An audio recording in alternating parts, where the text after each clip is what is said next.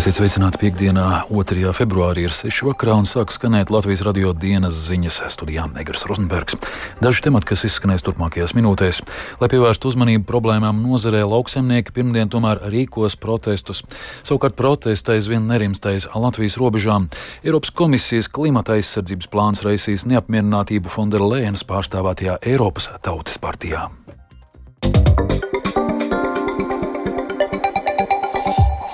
Pēc četru stundu ilgām sarunām šodien ar zemkopības ministru lauksaimnieki tomēr pirmdien, 5. februārī, dosies protestos, lai pievērstu uzmanību problēmām lauksaimniecības nozarē, kas iestrēgušas politiskajos un ierēdniecības gaitiņos. Kāpēc protesti tik un tā notiks, kas sarunās izrunāts un vai lauksaimnieku prasības izpildīs plašāk Agnijas Lazdiņas ierakstā. Lauksaimniecības nozares pārstāvi atzīst, ka birokrātiskās prasības un valdības pārstāvi vienaldzība draudz samalt lauksaimniecības nozari, tāpēc lauksaimnieki valdībai ir izvirzījuši piecas prasības - Krievijas un Baltkrievijas pārtikas produktu tūlītais importa aizliegums bez pārējais perioda, 5% samazinātās PVN likmes atjaunošana Latvijai raksturīgajiem augļiem, ogām un dārziņiem, birokrātijas mazināšana lauksaimniecības nozarē, plašāka pieeja apdrošināšanas un apgrozāmo līdzekļu programmām, kā arī atteikšanās no nacionāla līmeņa zemes apgrūtinājumiem vai citiem zemes lietošanas ierobežojumiem. Pēc vairāku stundu ilgām sarunām, kurās diskutēts, kad un kā prasības īstenos, zemkopības ministrs Armans Krauza norāda, ka, lai gan atsevišķos jautājumos viedokļi ar lauksaimniekiem atšķirās, tomēr daudz veidu domas sakrīt. Tāpat ministrs norāda, ka pie daudz jautājumu risināšanas darbs ir ne tikai uzsākts, bet arī turpināsies. Noteikti šo visu, ko esam apņēmušies, izdarīsim. Es šobrīd neredzu, ka teiksim, tā, būtu pamats zemniekiem ielās būt tik ilgi, kā tas ir Francijā. Vācijā vai citur. Jo tiešām man pēc šodienas sarunām ir pārliecība, ka nu, par lielāko daļu mēs esam vienojušies un darbi ir izdarām. Ar atsevišķiem izņēmumiem, kas, protams, nav realizējami ātri un arī nav realizējami tikai ar zemkopības ministrijas palīdzību. Savukārt zemnieku saima valdes priekšsēdētājs Juris Lazdiņš norāda, ka sarunu laikā bija iespēja dzirdēt vēlmi formā izteiktas darbības. Mēs domāsim, darīsim, rīkosimies, taču konkrēti termiņi netika sniegti, līdz ar to arī plānotos protestus lauksaimnieki neatceļ, cerībā, ka tas motivēs ātrāk paveikt solīto. Mēs tiešām esam novērojuši to, ka ir vajadzīgs tāds stiprs impulss, lai ministrijas ierēģi un ministrs sāktu darīt. Nu, es ceru, ka Protesta akcija, kas noritēs 5. februārī, būs signāls, ka nevar vairs jokoties, ka tiešām ir jāpaveic, un tas nebūs tikai īstermiņa. Šo piecu jautājumu mums ir 150 jautājumi, kas ir jārisina, un ka tomēr būs šī kopdarbība uz rezultātu mērķēta. No pirmdienas zemnieki sāks protestus vairākos Latvijas reģionos - Saldū, Talsos, Liepājā un citviet, tā virzoties uz Rīgu. Protestu norisē izmantos arī lauksaimniecību tehniku, tāpēc iedzīvotājiem jārēķinās ar apgrūtinātu satiksmu uz valsts galvenajiem autoceļiem. Agnija Lazdiņa, Latvijas radio. Tikmēr citur Eiropā streiki nebeidzas. Vācijā šodien streiko sabiedriskā transporta vadītāji, kur pieprasa labākus darba apstākļus. Somijā simtiem tūkstoši strādājošo streiko, protestējot pret valdības piedāvātajām izmaiņām darba likumos. Vairāk Ulda Ķēzbera sagatavotajā ierakstā. Somijā jau trešo dienu turpinās streiks, kurā piedalās aptuveni 300 tūkstoši strādājošo. Streika dēļ visā valstī faktiski ir apstājusies sabiedriskā transporta kustība, bet Nacionālajai avio kompānijai Finēra vakar un šodien nācās atcelt 550 lidojumus, kas ietekmēja aptuveni 60 tūkstošus pasažieru. Plašos protestus izsauca valdības ierosinātās izmaiņas darba likumos. Reformas paredz samazināt atsevišķas sociālās garantijas strādājošajiem, piemēram, vairs neizmaksāt kompensāciju par pirmo darba nespējas dienu. Politiķi arī vēlas ierobežot darbinieku tiesības streikot. Streikojošais vilciena mašīnists Pauli Lāksonens sacīja, ka viņš nevēlas pieļaut valdības plāna īstenošanu. Lietas izskatās diezgan slikti. Strādnieki tiek rupji pazemoti, tāpēc visiem ir jāpiedalās streikā. Bet Somijas nodarbinātības ministrs Arto Satunens uzsvēra, ka izmaiņas darba likumos ir nepieciešamas, lai veicinātu ekonomikas konkurētspēju. Me kilpaillaan maailmanmarkkinoilla Ja se, että suomalainen pärjää... Mēs konkurējam pasaules tirgū. Lai Somu darbs gūtu panākumus globālajā tirgū, Somijas darba ņēmējiem, darba devējiem un Somijas valdībai šajā konkurencē ir jābūt vienā pusē. Vācijā šodien streiko autobusu, tramvaju un metro vilcienu vadītāji, tāpēc sabiedriskā transporta kustība ir paralizēta 15 no 16 federālajām zemēm, jo Bavārija streikā nepiedalās. Arotbiedrības pieprasa, lai sabiedriskā transporta vadītāju darba laiks tiktu samazināts no 38 līdz 35 stundām nedēļā, nesamazinot atalgojumu. Tādējādi cer piesaistīt jaunus darbiniekus, jo pašlaik daudzos uzņēmumos nav aizpildīti 20 līdz 30 procenti darba vietu. Pēdējā nedēļā Vācija ir piedzīvojusi streiku vilni, jo iepriekš streikoja arī dzelzceļnieki un lidostu drošības kontroles darbinieki. Sagaidāms, ka drīzumā streikos arī Vācijas Nacionālās avio kompānijas Lufthansa darbinieki. Uldis Česberis, Latvijas radio. Urzulas Fonderlēnas vadītā Eiropas komisija nākamā nedēļa gatavojas apstiprināt jaunu ambiciozu plānu siltumnīca efekta gāzu emisiju samazināšanai, taču tas izraisīs neapmierinātību pašas Lēnas pārstāvētās Eiropas Tautas partijas iekšienē. Tā vēst izdevums Politico. Nesaskaņas pašlaik Eiropas lielākā politiskā spēka rindās nostādot Fonderlēnu, kura plāno kandidēt uz otro Eiropas komisijas priekšsādātais pilnvaru termiņu sarežģītā situācijā. Plašāk stāstā Rustams Šukurovs. Paredzams, ka Eiropas komisija nākamajā otrdienā atbalstīs priekšlikumu noteikt mērķi līdz 2040. gadam samazināt siltumnīca efekta gāzu emisijas par 90%. Tomēr, kā vēsta politiko, atsaucoties uz vairākiem avotiem, kas apmeklēja šonadēļ rīkoto slēgto Eiropas parlamentā visplašāk pārstāvētās politiskās grupas Eiropas Tautas partijas sanāksmi, deputāti nosodījuši plānu un pauduši neapmierinātību ar Eiropas komisiju. Kā izdevumam norādīja avoti, Eiropas Tautas partijas pārstāvji pauduši neizpratni, kāpēc tik ambiciozu klimata plānu būtu jāapstiprina laikā, kad neapmierinātība ar zaļā kursa virzienu turpina pieaugt. Galēji labējo partiju popularitāte arvien palielinās, Eiropas lauksaimnieku protesti vēršas plašumā, un Eiropas parlamenta vēlēšanas vairs nav aiz kalniem. Kā norāda politiko, Eiropas parlamenta deputātu neapmierinātība rada lielas galvas sāpes Fonderlēnai, kura domājams drīzumā paziņos par plāniem kandidēt uz otro Eiropas komisijas priekšsēdētājas piecu gadu pilnvaru termiņu. Fonderlēnas pārstāvētā konservatīvā grupa ir kļuvusi neiecietīgāka pret jauno klimata regulējumu, apgalvojot, ka tas rada postošu slogu uzņēmumiem un lauku kopienām, kā arī veicina galēji labējo partiju uzplaukumu visā kontinentā.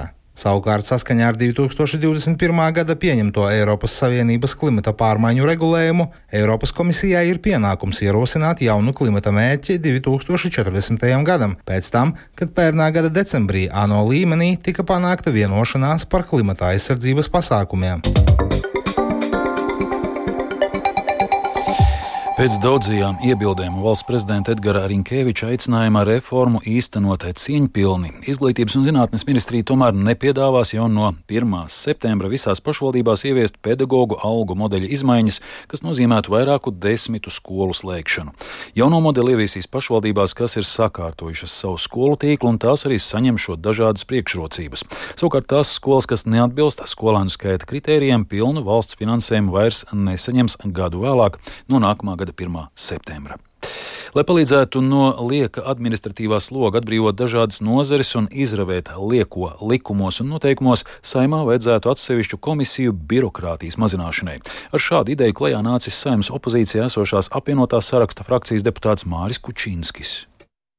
Nu, netic tam, ka pašiem birokrātiem liek izravēt birokrātiju. Tādi gadījumi nav efektīgi un nekad nav nesuši rezultātu. Ja komisija šādu uzstādījumu dotu un būtu iespēja piesaistīt ekspertus, vai nu katrā likumā ravēt ārā visu to, kas ir liekas un apaudzis šajos 30 gados un traucē. Vienlaicīgi tie varētu būt arī uzdevumi kabinetam, ministra kabineta noteikums izmainīt.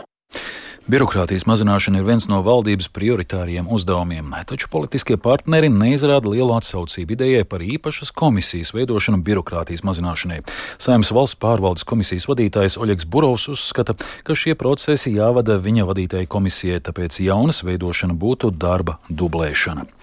Šodien atklāts satversmes tiesas jaunais darba gads. Tiesas priekšsādātais Aldis Laviņš svinīgajā pasākumā uzsvēra satversmes tiesas lomu demokrātijas stiprināšanā, tāpat viņš aicināja likumdevēju veicināt tiesas pieejamību ikvienam Latvijas iedzīvotājam, vai rakstāsta Sandra Dieziņā. Aizvadītajā gadā ierosinātas 22 lietas un 17 lietās pieņemts spriedums. Par padarīto aizvadītajā gadā stāsta satversmes tiesas priekšsēdētājs Aldis Laviņš. Saglabājusies tāda tendence, ka liela daļa no tiesā iesniegtajiem pieteikumiem un ierosinātajām lietām skar dažādus krimināla procesa jautājumus. Tāpat ievērojams skaits lietu ir ierosināts par tiesību normām, kas noteic vispārējās izglītības iegūšanu tikai valsts valodā. Runājot par 2023. gada nozīmīgākajām lietām, Laviņš akcentē vairākas. Viena no tām par garantētā minimālā ienākuma līmeņa nodrošināšanu. Satversmes tiesa atzina, ka vismazāk aizsargātāji Latvijas sabiedrības daļai, kuru ienākuma līmenis ir ļoti niecīgs, valsts tomēr nav nodrošinājusi tādu pārskatāmu un mērķētu sociālo atbalsta sistēmu, ka varētu šiem visvairāk trūcīgajiem cilvēkiem, mūsu Latvijas sabiedrības daļai, ka būtu nodrošināta iespēja dzīvot cilvēkcienīgu dzīvi. Satversmes tiesai nākamajos mēnešos būs jāskata vēl citas sabiedrībai svarīgas lietas. Vienā no tām jau šobrīd tiesa gatavo nolēmumu. Tā skar Krievijas federācijas pilsoņiem noteikto pienākumu nokārtot valsts valodas prasmju pārbaudījumu, lai saņemtu uzturēšanās atļauju Latvijas republikā. Tāpat gaidām lietas izskatīšana par iespēju cirst mazāk izmēru kokus, par pārēju uz vispārējo izglītību valsts valodā un kažokzāra izmantošanu nolūkā iegūt kažokādas. Sandra Dieziņa, Latvijas radio. Rīgā ģenerāļā Radziņa krastmalā pie dzelzceļa tilta no nākamās pirmdienas katrā braukšanas virzienā slēgs vienu no trim joslām. Iemesls pār Daugovu sāks būvēt Rail Baltica dzelzceļa tiltu no Maskavas ielas upes vienā krastā līdz Mūku salas ielai otrā krastā. Vairāk stāsta Viktors Demidovs. Vien trīs mēnešus pēc vērienīgajiem būvdarbiem ap centrālo staciju un centrālu tirgu Intensīvajā ģenerāļa Radziņa krastmalā no pirmdienas atkal ir gaidāmi satiksmes ierobežojumi. Šoreiz tie būs no 13. janvāra ielas līdz kanālam pie autoostas. Šajā 200 metru garajā teritorijā katrā virzienā slēgs vidējo joslu, kustībai atstājot divas.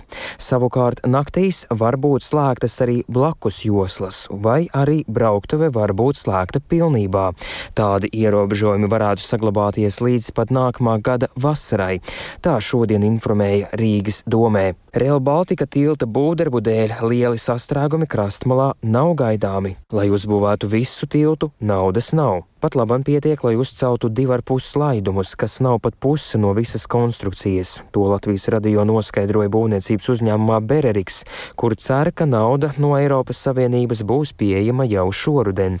Un vēl par sportu un Nacionālajā basketbola asociācijā līgas vēsturiski slavenākajā derbijā pagājušajā naktī uzvaru svinēja Losandželosas Lakers, kas ar 114 pret 105 uzvarēja Kristapu Porziņu un Bostonas Celtics.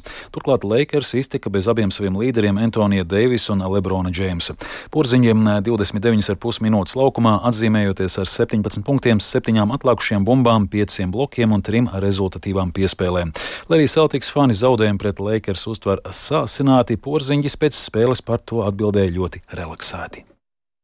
Yeah, we have a couple days in between now. Uh, of course, it sucks. Like, I know, especially. Mums tagad ir pāris dienas līdz nākamajai spēlei. Protams, ir nepatīkami zaudēt, īpaši faniem, jo pret Lakers ir liels derbijs. Nekad vairs negribam viņiem zaudēt. Bet tās ir NBA. Šī spēle bija gan arī kā pēc scenārija. Zaudē šādu spēli, un fani domā, ka tas ir pasaules gals. Zaudējām Lakers, kuriem nebija Antonijs Dēvis un Lebrons Džeims. Sezona ir beigusies, viss cauri. Beig beigās tas ir vienkārši zaudējums, no kura jāmācās. Un to arī darīsim. Mums būs pāris dienas atpūsties, un domāju, ka daudziem puišiem tas būs ļoti noderīgi.